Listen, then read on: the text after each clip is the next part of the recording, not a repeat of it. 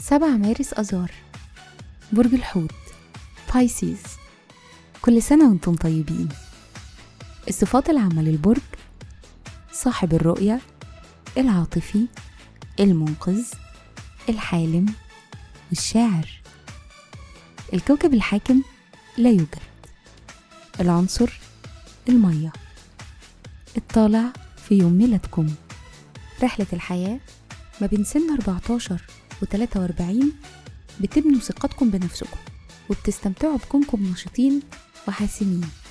أما بعد ال 44 فبيزيد احتياجكم للاستقرار والأمان المادي وبتبقوا مستقرين أكتر عاطفيا الشخصية بتحبوا تحيطوا نفسكم بالتناغم والجمال. وعلى الرغم من ده أهم تحديات بتواجهكم بيكون لها علاقة بالفلوس والماديات.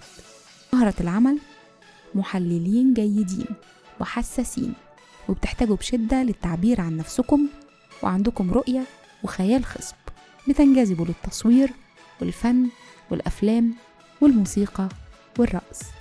تأثير رقم يوم الميلاد بتفكروا في غيركم. ومحللين جيدين.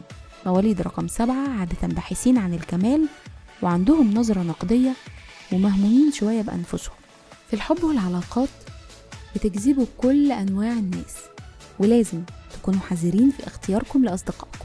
الوصول للتوازن العاطفي هيحميكم من المرجحة بين إنكم تكونوا معبرين عن عواطفكم أكتر من اللازم أو العكس تماما تكونوا مش عاطفيين خالص. دي شارككم في عيد ميلادكم. الممثلة المصرية الراحلة كوكا الممثل المصري أحمد لوكسر لاعب التنس التشيكي إيفان ليندل والممثلة المصرية المعتزلة حنان ترك.